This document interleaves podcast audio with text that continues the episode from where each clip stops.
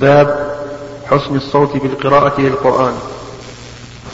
حدثنا محمد بن خلف أبو بكر قال حدثنا أبو يحيى الحماني قال حدثنا بريد بن عبد الله ابن أبي بردة عن جده أبي بردة عن أبي مسعود رضي الله عنه أن عن أبي موسى. عن أبي موسى رضي الله عنه أن النبي صلى الله عليه وسلم قال له يا أبا موسى لقد أوتيت مزمارا من مزامير آل داود. وهذا على سبيل الثناء بلا شك. وكان أبو موسى عبد الله بن قيس رضي الله عنه من خطباء النبي صلى الله عليه وسلم ومن الذين أعطاهم الله صوتا آه، جميلا وحسنا. استمع إليه النبي صلى الله عليه وسلم ذات ليلة فقال لقد أوتيت مزمارا من مزامير آل داود. فقال لو علمت أنك تسمعني لحبرته لك تحبيرا. يعني أزينه أحسن من كذا. وهذا يدل على أنه ينبغي تحسين الصوت في القرآن لأن ذلك يجلب إلى الاستماع إليه. أنه ينبغي تحسين القرآن تحسين الصوت في القرآن لأن ذلك يكون سببا للتشوق إلى الاستماع إليه والرغبة في سماعه. وكلما كان سببا في إقبال الناس على كلام الله عز وجل فإنه مما يحمد عليه الإنسان. ونقفز من هذا إلى أن الإنسان لو وضع جوائز لمن يتقن القرآن كان ذلك محمودا لأنه يعين الناس على قراءة القرآن. ولكن قد يعارض هذا فيقال إن هذا يحمل على أن يقرأ الناس القرآن من أجل هذه الجوائز فيكون في هذا خلل في الإخلاص. والجواب على ذلك أن يقال هذا لا يمنع أو هذا لا لا يستلزم أن لا يخلص الناس. فهذا النبي صلى الله عليه وسلم قال في الغزوات من قتل قتيلا فله سلبه. يعني ما عليه من السلاح ونحوها والثياب. وهذا جائزة ولا لا؟ جائزة. والعلماء رحمهم الله يقولون لا بأس أن يجعل أمير الجيش أن يجعل شيئا لمن يدلهم على حصن أو يدلهم على مدخل يدخلون منه إلى الكفار أو ما أشبه ذلك وهذا جوائز لأن الإنسان بشر وبلا شك أنه إذا أعطي ما يشجعه ازداد حماسا ونشاطا إي نعم نعم إيش؟ ها؟ إيش؟ إيه يهزر لا إذا يعني إذا وجد ما يتعجب ما يعجبه قال سبحان الله مثلا أو ما أشبه ذلك يومي برأسه هكذا قصدك؟ أو مثل اللي قام يقولون قلت كذا ها؟ إيه وش رأيكم في هذا؟ ها؟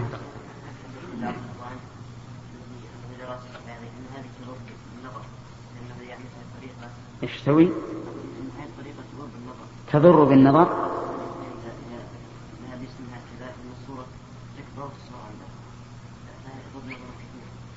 ولا صار غيب ولا صار يقرا غيب عن ظهر قلب.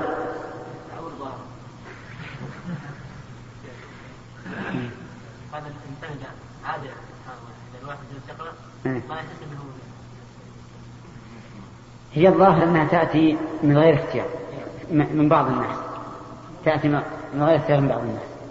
وبعض الناس لو أراد يمنع نفسه ما أعجبه. ما يمشي زين فالإنسان إذا اعتادها لا ما يقدر يطلقها. لكن هل الأفضل أن يعتاد ذلك؟ يقول بعض الناس أن الأفضل أن لا يعتاد ذلك لأن هذا من طرق الصوفية. فالصوفية عندما يذكرون الله عز وجل بأذكار معينة يهزون. وكل ما كان الذكر أشد وقعا في قلوبهم آه، انخفضوا أكثر. انخفضوا أكثر. وكان بعضهم يكون معه الصوت يضرب به الأرض. فإذا غبر أكثر صار أجره أكثر.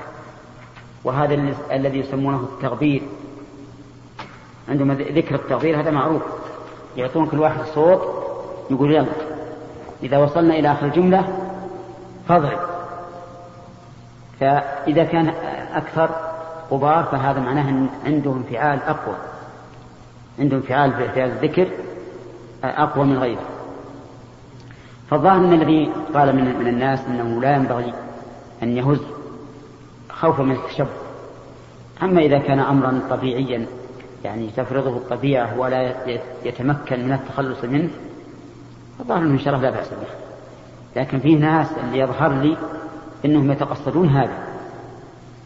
يتقصدون ولهذا بعضهم تجده يمسك بأذنيه هكذا ثم ينهز مر مر حتى يصل إلى قريب الأرض. هذا معناه أنه تقصد هذا الشيء. إيه نعم. نعم.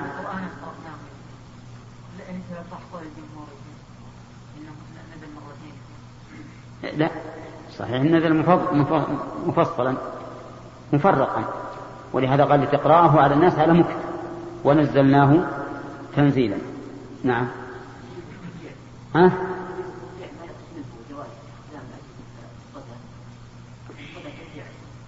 ما أظن.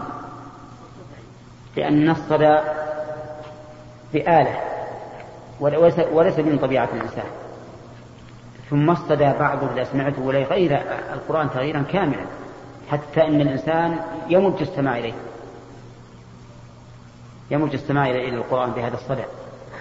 مرت كأن الحرف صار ألف حرف نعم ها؟ إيه؟ أي نعم.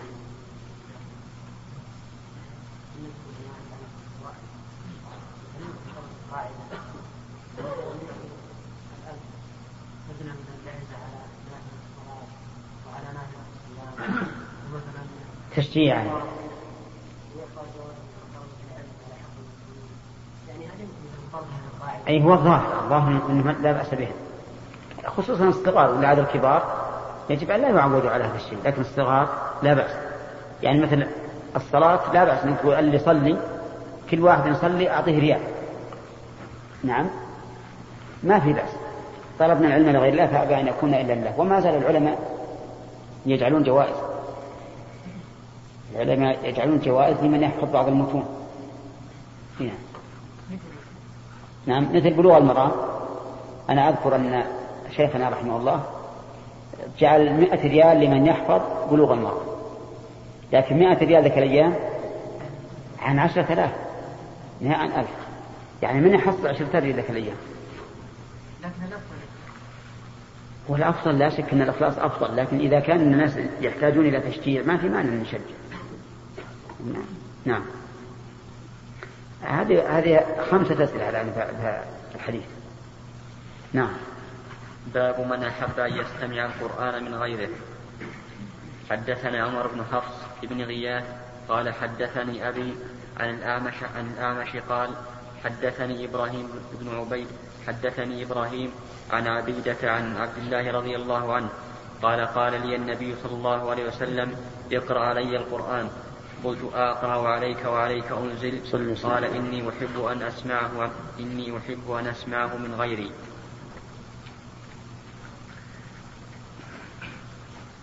باب قول المقرئ باب قول المقرئ للقارئ طيب إذا قال قائل وش الفائدة من أن يستمع الإنسان القرآن من غيره؟ الفائدة أن السامع قد يتدبر القرآن أكثر مما يتدبره القارئ لأن القارئ تجد اعتماده أكثر ما يعتمد عليه على اللفظ لئلا يخطئ فيه. لكن السامع قد كفي اللفظ وبقي عليه أن يتدبر المعنى ويتأمله. وهذا أحيانا يجد الإنسان أنه إذا سمعه من غيره كان أخشى له. وأحيانا بالعكس. وقول الرسول صلى الله عليه وسلم إني أحب أن أسمعه ما قال إن ذلك أحب إلي من قراءتي من قراءتي. فلا نقول إن الرسول يحب أن يستمع أكثر مما يحب أن يقرأ. لكن يحب أن يسمعه من غيره وهذا أمر واقع. ولا أحد ينكر أن الإنسان أحيانا يحب أن يستمع الشيء من غيره. هنا وفي قول ابن مسعود أقرأ عليك وعليك أنزل. ليس معناها الامتناع عن القراءة. لكن كأنه رضي الله عنه يحب أن يعرف ما هو السبب في أن الرسول أمره أن يقرأ.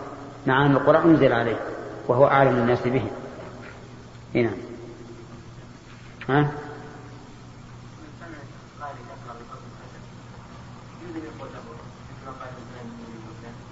كيف؟ اي كيف ما في ها؟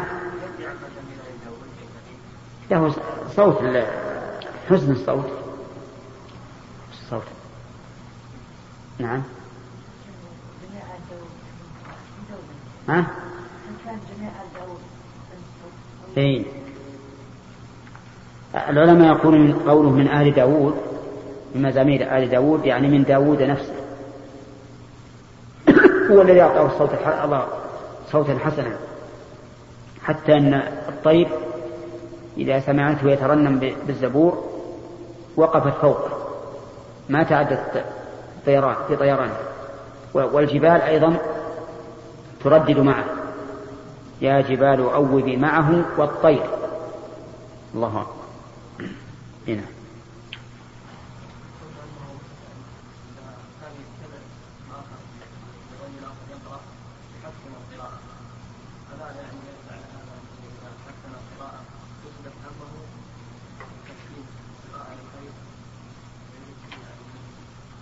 أبدا. ما يعرف لأنه قد يرغب أن الناس يسمعون قراءته بحسن صوت لأجل يرغبون القرآن ما هو لأجل يثنى عليه. أما الإنسان الذي يريد أن يحسن الصوت ليثني, ليثني الناس عليه ويقول الله ما شاء الله هذا جيد في القراءة والأداء والصوت هذا هو الذي فيه نظر. يعني فيه شيء من قلة الإخلاص. أما رجل يحسن صوته ليرغب الناس في استماع كلام الله فهذا طيب. نعم باب قول المخرج للقارئ للقارئ حسبه حدثنا محمد بن يوسف قال حدثنا سفيان عن الاعمش عن إبراهيم عن عبيدة عن عبد الله عن عبد الله بن مسعود قال قال لي النبي صلى الله عليه وسلم صلى الله عليه وسلم قلت يا رسول الله فاقرا عليك وعليك فقرات سوره النساء حتى اتيت على هذه الايه فكيف إذا جئنا من كل أمة شهيد وجئنا بك على هؤلاء شهيدا. قال حسبك الآن. فالتفت إليه فإذا اللهم صل وسلم عليه.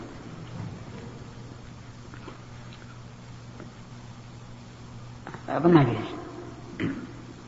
فيها أنه يجوز للإنسان أن يقول حسبك أو كفى أو خلاص أو ما أشبه ذلك. لا يقال إن هذا يدل على أن الإنسان لا يريد القرآن ولا يستمع عليه بل يقال إن كل شيء له منتهى وكل شيء له أجل. فقول الإنسان للقارئ يكفي ما في مانع. أو مثل واحد عنده الراديو يستمع إلى قراءة قارئ ثم يغلقه. ما يقال ليش تغلق تغلق الاستماع إلى كلام الله؟ أقول نعم لأنه هو دائما الإنسان بيعمل عمل معين له أشغال أو يمل. أو لأي سبب. بل إننا قد نرجح السكوت أو إقفال الراديو مثلا إذا وجدنا أن في القوم من لا ينصت ومن كثر لغطه ولغوه ورأينا أن إذا قلنا لهم استمعوا إلى القرآن يكون في ذلك مشقة عليهم فهنا السكوت أولى. لئلا ينتهى كتاب الله عز وجل. نعم. بعض الناس يقرأ يقرأ القارئ إلى الآية المسجل إلى إذا انتهى من الآية المسجل في نصف الآية القارئ كل واحد سواء نصف الآية أو في الآخر. لكن كونه يستكمل الآية أحسن. بل كونه أيضا يستكمل الآية وما يتعلق بها من الآيات التي بعدها. يقول مثل إلا المصلين الذين هم على صلاتهم الذين هم في على صلاتهم دائمون فالأولى أن لا يقف إلا عند نهاية الآيات. نعم. ها؟ لا الإنصات السنة الإنصات والاستماع سنة. إيه، وليس في الوجه إلا إلا في الإمام لأنه إمامك وأن تابع له. لكن لا شك أن ترى الاستماع والإنصات غير مسألة الكلام واللغو. يعني من الجائز أن الإنسان يسكت ولكن مع كتاب طالب أو يسكت ولكن يفكر في أشياء أخرى. أما واحد بي عندك يقرأ وأن تكلم بكلام خارج فهذا في جوازه نظر. نعم. أخذنا ثلاثة. طيب. أي نعم. أي أي في بعض الناس يقرأوا القرآن. ثم يقطعون الآيات ثم يجعلون دعاء بين الآيات. هذا يجوز. الورد دعاء هذا؟ له إذا مر بآية رحمة سأل وإذا مر بآية وإن تعود كما كان رسول الله صلى الله عليه وسلم في صلاة الليل. الفرائض ما نقل ولهذا نقول في الفرائض إنه جائز وليس بسنة. لكن في النفل ولا سيما في صلاة الليل سنة لورودها به باب في قراءة القرآن. وقول الله وقول الله تعالى فاقرأوا ما تيسر منه. حدثنا علي قال حدثنا سفيان قال لي ابن قال لي ابن شبرمة نظرت كم يكفي الرجل من القرآن فلم أجد سورة أقل من ثلاث آيات فقلت لا ينبغي لأحد أن يقرأ أقل من ثلاث آيات. قال علي حدثنا سفيان قال أخبرنا منصور عن إبراهيم عن عبد الرحمن بن يزيد أنه أخبره علقمة عن أبي مسعود ولقيته وهو يطوف بالبيت فذكر قول النبي صلى الله عليه وسلم إنه من قرأ بالآيتين من آخر سورة البقرة في ليلة كفتاه. وهذا استدلال واضح وفيه رد على من؟ عن ابن شبرمة. فإنه يجوز للإنسان أن يقرأ من القرآن آيتين ويسكت أو ثلاثا ويسكت بل له أن يقرأ آية واحدة خصوصا إذا كانت طويلة. والرسول عليه الصلاة والسلام أخبرنا أنه من قرأ آية الكرسي في ليلة لم يزل عليه من الله حافظ ولا أقربه الشيطان حتى يصبح. وهذا أوضح أيضا من من استدلال أبي مسعود في قراءة الآيتين. لأن لأن آية الكرسي آية واحدة. نعم. نعم. إيش؟ لا قصد يعني إنك إذا قرأت لا تقرأ أقل من ثلاث آيات. مو في اليوم. اليوم إنسان يقرأ الفاتحة كم مرة؟ سبعة عشر مرة. نعم. أي ما نقول يكفي أقل من, من, من ثلاث يكفي آيتان ويكفي آية واحدة. هذا هذا يبي يقرأ الفاتحة يقينا. سبع آيات في كل في كل ركعة. يعني غير الصلاة لا. يقول لو تقرأ آية واحدة يكفي. نعم.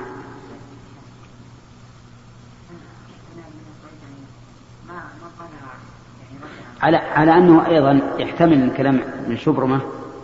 يحتمل أن يريد كم يكفي في قراءة الصلاة.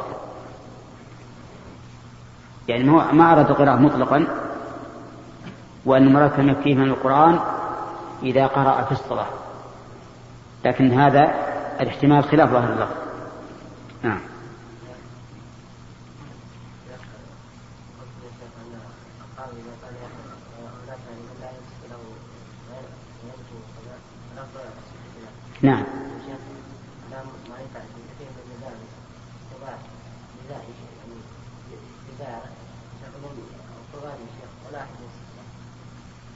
والله أنا لا أحب هذا.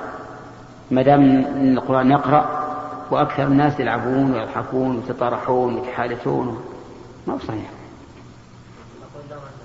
نقول أو لا ترك على أن افتتاح افتتاح الإذاعات في القرآن على وجه راتب فيه نظر. فيه, فيه نظر. هنا نعم. وش فيه؟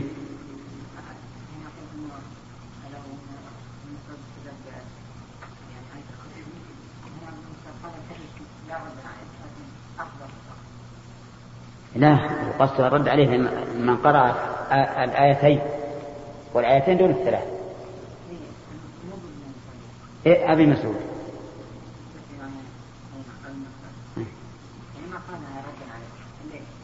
إلا إلا كيف؟ أخبره علقمة عن ابن مسعود ولقيته وهو يطوف البيت.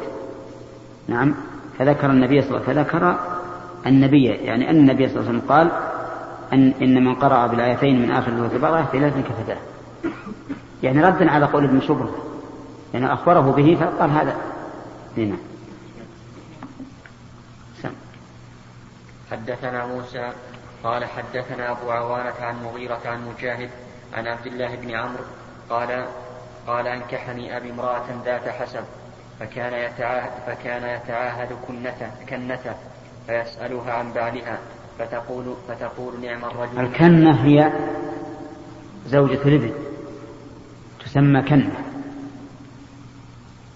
نعم وهذا يعني معنى غريب لهذا. قد يتبادر إلى الذهن أن المراد بالكنة يعني غفلة زوجها. غفلة زوجها. لكنهم ذكروا أن الكنة زوجة الابن.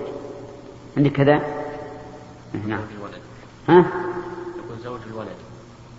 اي زوجة الابن قصد نعم. ها؟ يشمل لكن مرادهم الابن ها؟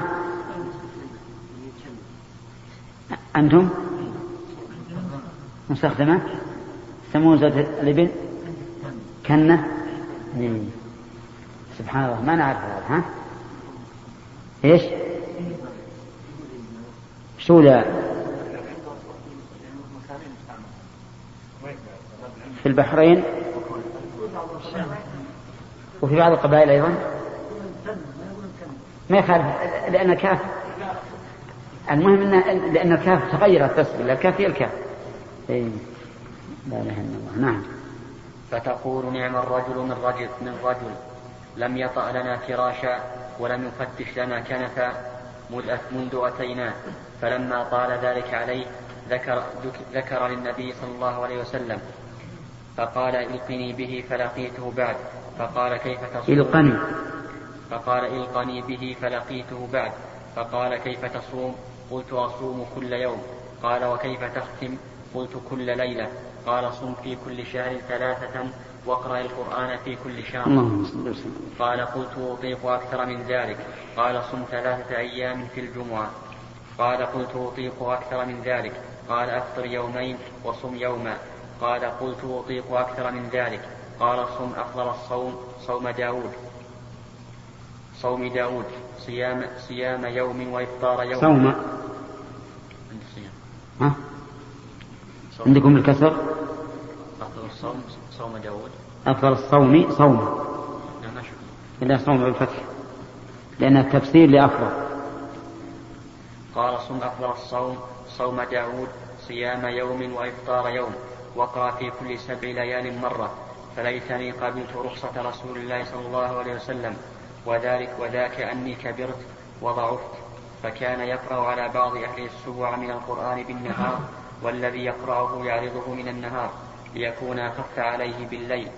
وإذا أراد أن يتقوى أفطر أياما أفطر أياما وأحصى وصام مثلهن كراهية أن يترك شيئا فارق النبي صلى الله عليه وسلم عليه. قال أبو عبد الله وقال بعضهم في ثلاث أو في سبع وأكثرهم على سبع. حدثنا سعد بن حفص. نعم عندنا في ثلاث أو في خمس. نصف أو في خمس أو في سبع نصف. اقرأ يا اي نعم. بسم الله الرحمن الرحيم. ما نستكمل ها؟ ما نستكمل الروايات. فيه روايات؟ إيه. حدثنا حديث أخرى يعني بالمعنى طيب نعم نكمل. حدثنا سعد بن حفص قال حدثنا شيبان عن يحيى عن محمد بن عبد الرحمن عن أبي سلمة عن عبد الله بن عمرو قال قال لي النبي صلى الله عليه وسلم في كم تقرأ القرآن؟ وحدثني إسحاق قال أخبرنا عبيد الله بن موسى عن شيبان عن يحيى عن محمد بن عبد الرحمن مولى بني زهرة عن أبي سلمة قال وأحسبني قال قال سمعت أنا من أبي سلمة عن عبد الله بن عمرو قال قال لي قال قال قال لي رسول الله صلى الله عليه وسلم اقرأ القرآن في شهر. قلت إني أجد قوة حتى قال فاقرأه في سبع ولا تزد على ذلك. نعم. خذ. ولا تهز علينا هزا.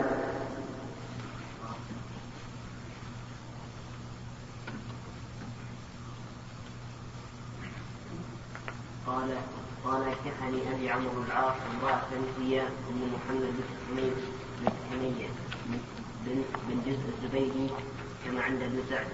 ذات حسب شرف بالآباء وعند أحمد أنها من قريش ولعله كان المشير عليه بتزويدها بتزويدها بتزويدها وإلا فقد كان عبد الله رجلا كاملا أو طامعا أو طامعا بالصلاة فكان عمرو يتعاهد كنته بفتح الكاف والنون كنته كنته كنته كنته بفتح الكاف والنون المشددة زوجة ابنه فيسأل فيسألها فيسألها فيسألها عن عن شأن ابنه بعلها فتقول في الجواب نعم الرجل من رجل لم, يطأ فراشا. أي لم يضاجع لم يضاجعنا حتى يطأ لنا فراشا. ولم يفتش بفاء مفتوحة فوقية مكسورة مشددة ولأبي درع الكشمهيني ولم يرد كشميهني كشميهني كشميهني كشميهني ولم يرشد بالغين المعجمة الساكنة بعد فتح لنا كنفا بفتح الكاف والنون بعد هاء ساء أي ساترا مد وليابوي والوقت ونصيب مد منذ أتيناه وقلت بذلك عن تركه. كنت. وكنت بذلك عن تركه لجماعها لجماعها إذ عاله الرجل إدخال يده في داخل, ثوب زوجته. أو الكنف الكريم أي أنه لم يطعم عندها حتى يحتاج إلى موضع قضاء الحاجة. يفي وصفها له بقيام الليل وصوم النهار مع الإشارة إلى عدم مضاجعتها وعدم وعدم أكله عندها. زاد في رواية شيم عن عن مغيرة وحصين عن مجاهد في هذا الحديث. عند أحمد فأقبل علي يلوم عند أحمد. أحمد الله يهديك أحمد ودنا نجازه دائما وأنت تصرفه ها؟ حرك الدال.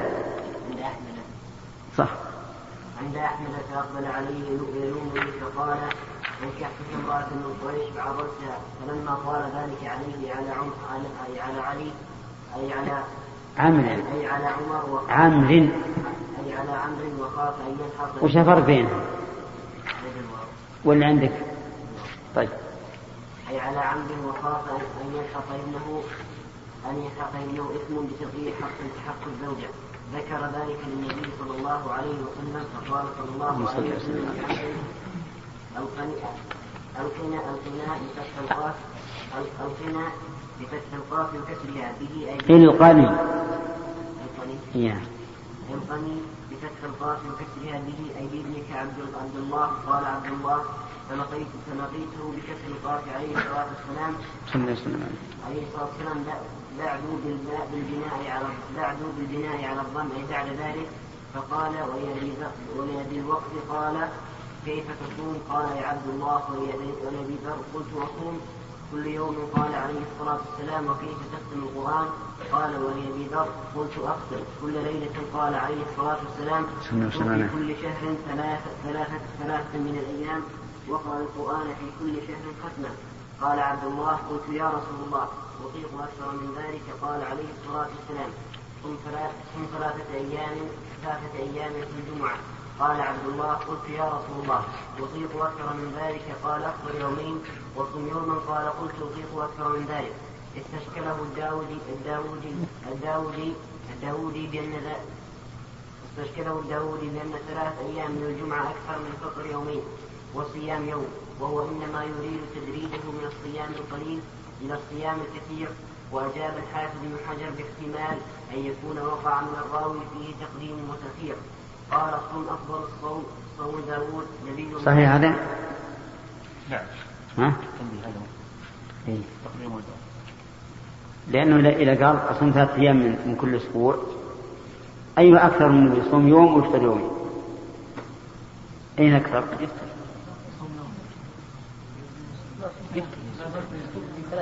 إذا صار يصوم ثلاثة أكثر نفس الشيء. استمعوا كلام العلماء الآن عندهم أخذ ورد فيه خلونا نشوف الآن. وش قال الرسول الأول وفي أكثر من ذلك قال عليه الصلاة والسلام صم ثلاثة أيام في الجمعة قال عبد الله قلت يا رسول الله من ذلك قال أفطر يومين وصم يوما قال قلت وطيق طيب أين؟ صم ثلاثة أيام في الجمعة في الأسبوع. آه، أي أكثر من آه، أفطر يومين وصم يوم. طيب خلينا نشوف. السبت والأحد مفطر. والإثنين صائم. هذا واحد. والثلاثة والأربع مفطر. والخميس صائم. الجمعة مفطر. صام يومين. أي صار صار صار فيه انقلاب أو تقديم وتأخير مع بعض الجمعة ثلاث أيام في الشهر 12 يوم صيام. لكن لو يوم الكامل في الأسبوع؟ أيوه يفطر 20 يوم ويصوم 10 أيام في حكاية يوم ويوم. إيه. إيه. إذا صار في انقلاب يعني فيه تقديم وتأخير من الراوي قطعا. لأن الظاهر أن الرسول ينقله. إيه. من من الأقل إلى الأكثر نعم. قال أفضل الصوم صوم داوود نبي الله عليه السلام صيام يوم رفع بتقدير كان أو رفع أو رفع بتقدير هو. وإفطار يوم عطف عليه على الوجهين. واقرأ أي كل واقرأ كل القرآن في كل سبعة ليال مرة قال عبد الله. يعني حقيقة هذا يعني يبين لنا أن الراوي حتى في الصحيحين ربما يقع منه شيء من الوهم. شيء من الوهم. وهذا هو الذي ينبغي لطالب العلم ولا سيما طالب الحديث إنه لا يعتمد على صحة السند أو على ثقة الرجل لأن الإنسان قد يهم الانسان بشر.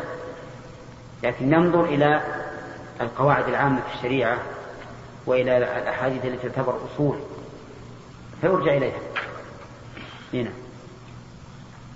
فليتني قبلت رخصة رسول الله صلى الله عليه وسلم وذاك أني كبرت بكسر بكسر الموحدة وضعته. قال مجاهد. وأنت الآن كسرت الموحدة ولا ضمنتها؟ وذلك أني كبرت. نعم. وضعفت. قال مجاهد فكان عبد الله يقرأ فكان عبد الله يقرأ على بعض أهله أي من من أي أي من تيسر منهم السبع من القرآن بالنهار بضم السبع. السبع من القرآن بالنهار بضم السين والسكون الموحدة. والذي يقرأه يريد أن يقرأ يقرأه بالليل يعرضه من النهار ليكون أخف عليه بالليل.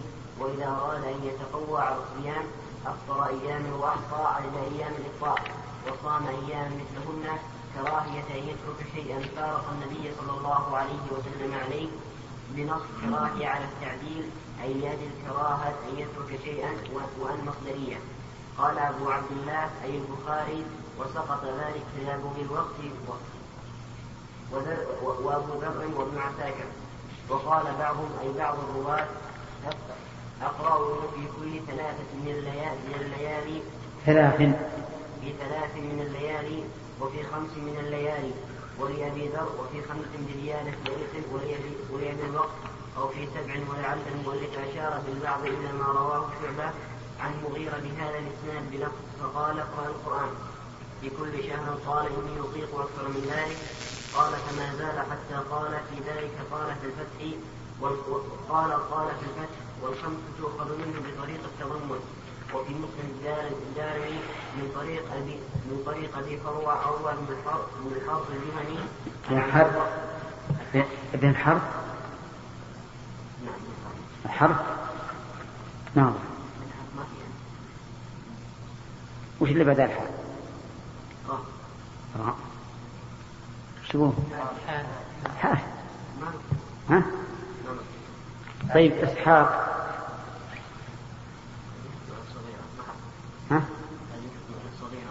ما هو ما هو بلازم في كلمات تقرأ ولا تكتب.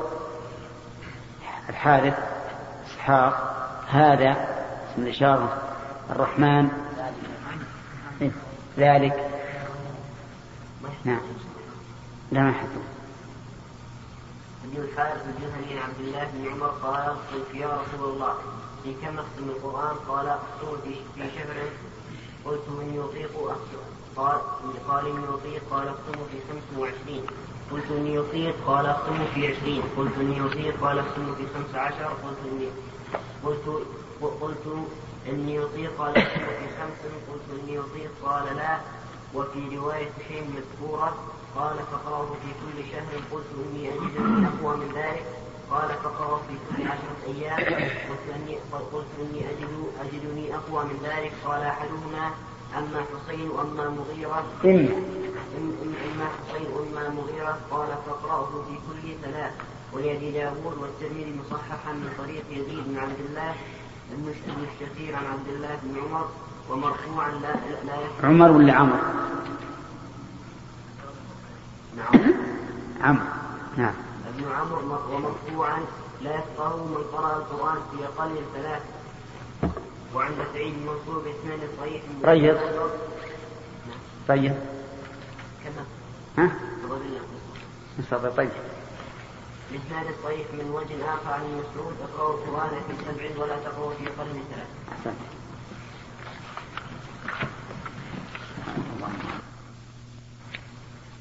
بسم الله الرحمن الرحيم.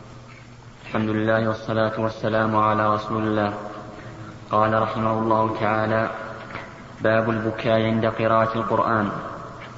حدثنا صدقة قال أخبرنا يحيى عن سفيان. خلاصة ما سبق أن يعني الأولى أن يقرأ القرآن الإنسان في كم؟ لا. يعني أدنى شيء. ثلاث؟ أو خمس أو سبع لكن أكثرهم أكثر الرؤوس سبع. وأيضا هذا في الأمور الدائمة.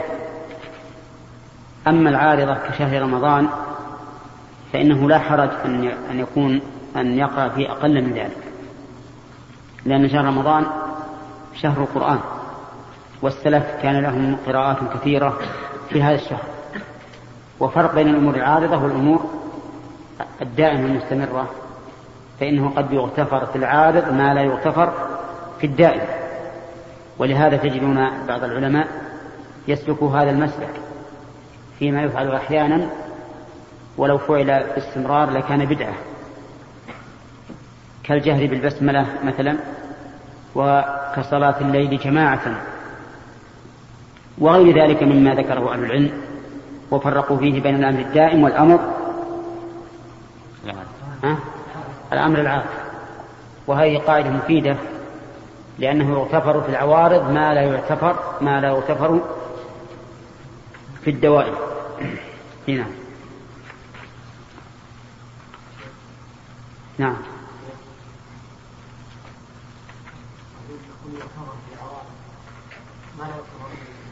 نعم.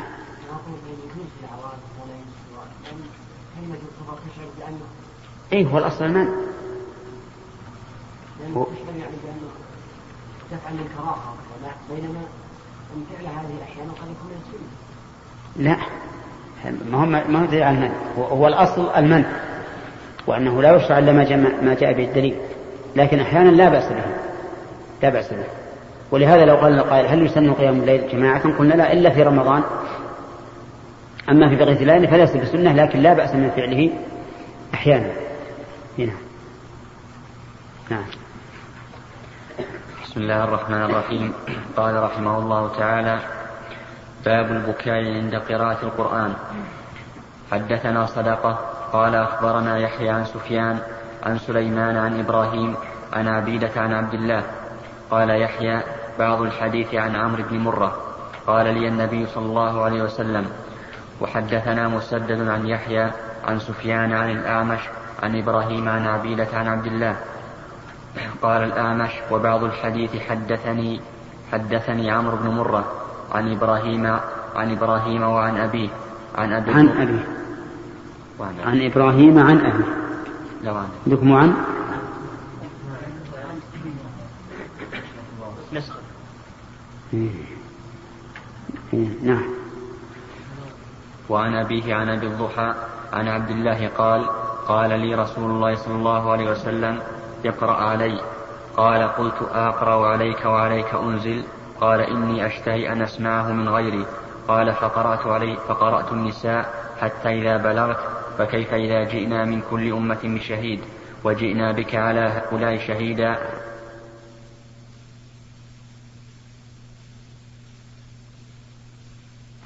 حدثنا قيس. لأن هذه كيف؟ هذه للتعجيب للتعجيب والتعظيم والتفخيم يعني تذكيرا بهذا اليوم العظيم الذي يؤتى من كل أمة بشهيد والرسل هم الشهداء عليهم الصلاة والسلام ثم من بعدهم أولو العلم. فكيف إذا جئنا من كل أمة بشهيد؟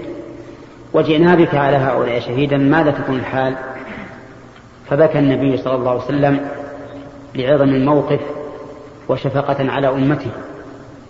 والنبي عليه الصلاة والسلام سيشهد على أمته أنه بلغهم البلاغ المبين فهو يشهد على أمته بأنه بلغوا وقد أشهد ربه على إقرارهم بأنه بلغهم في أعظم موقف وأكبر مجتمع وذلك في في عرفة حين قال لا هل بلغت؟ قالوا نعم. قال ألا هل بلغت؟ قالوا نعم. قال ألا هل بلغت؟ قالوا نعم. ثلاث مرات وهو يرفع أصبعه إلى السماء وينكتها إلى الناس ويقول اللهم اشهد. فنحن نشهد أنه بلغ البلاغ المبين الذي لا أبين منه لا شيء أبين منه عليه الصلاة والسلام. فكيف تكون الحال إذا جاء يوم القيامة شهيدا على أمته؟ إنها لحال شديدة عظيمة لا ينجو منها إلا من أنجاه الله نسأل الله أن ينجينا وإياكم. طيب بكى النبي عليه الصلاة والسلام لتصوره هذا الموقف العظيم. ثم قال عليه الصلاة والسلام كف أو أمسك أو حسبك. واختلاف الألفاظ مع أن القضية واحدة لأنهم كانوا يرونها بالمعنى. وفي حديث ابن مسعود هذا دليل على عدم مشروعية ختم القراءة بصدق الله العظيم. خلافا لما اصطنعه القراء في هذا العصر أو فيما قبله يسيرا فإن هذا لا أصل له. لكن العام إذا قلت إن صدق الله العظيم بدعة قال أعوذ بالله الله ما يصدق. الله يقول في القرآن قل صدق الله وأنت تقول ما لا, لا تقول صدق الله. شوف كيف العام يعرف يفسر إذا اشتهى. لكن هل قل صدق الله تعني أنك إذا ختمت القرآن فقل صدق الله؟ أبدا. لكن هذه مثل قوله عليه الصلاة والسلام صدق الله وعده أنجز وعده وصدق وعده ونصر عبده وهزم الأحزاب وحده. إذا ليس الآية كما يريد كما يريد العامة. فإذا قال قائل لماذا لا نختم كلام الله بصدق الله؟ لأن كلام الله صدق. قلنا لأنه لم يرد. ويكفي في نفي في نفي كون الشيء عبادة أن تقول ها؟ لم يرد. لأن الأصل في العبادات الحظر. وصدق الله من العبادات. يعني كونك تقول صدق الله عبادة لأنه ثناء على الله وكل ثناء على الله فهو فهو عبادة. ثم إنه أحيانا تكون الآية التي ختمت بها القراءة ليست آية خبر يصدق بل هي آية أمر. يا أيها الذين آمنوا اركعوا واسجدوا واعبدوا ربكم وافعلوا الخير لعلكم تفلحون. يمكن يقول قائل لعلهم تفلحون هذه خبر. لكن كلا لا تطيعه واسجد واقترب ها خبر ولا لا؟ ما يناسب صدق الله العظيم في مثل هذه الآية؟ الأمر والنهي يناسبه سمعا وطاعة. المهم أن هذا الحديث وأمثاله كحديث زيد زيد بن ثابت أن الرسول عليه الصلاة والسلام أنه قرأ على النبي صلى الله عليه وسلم سورة النجم فلم يسجد فيها ولم يختمها بصدق الله العظيم.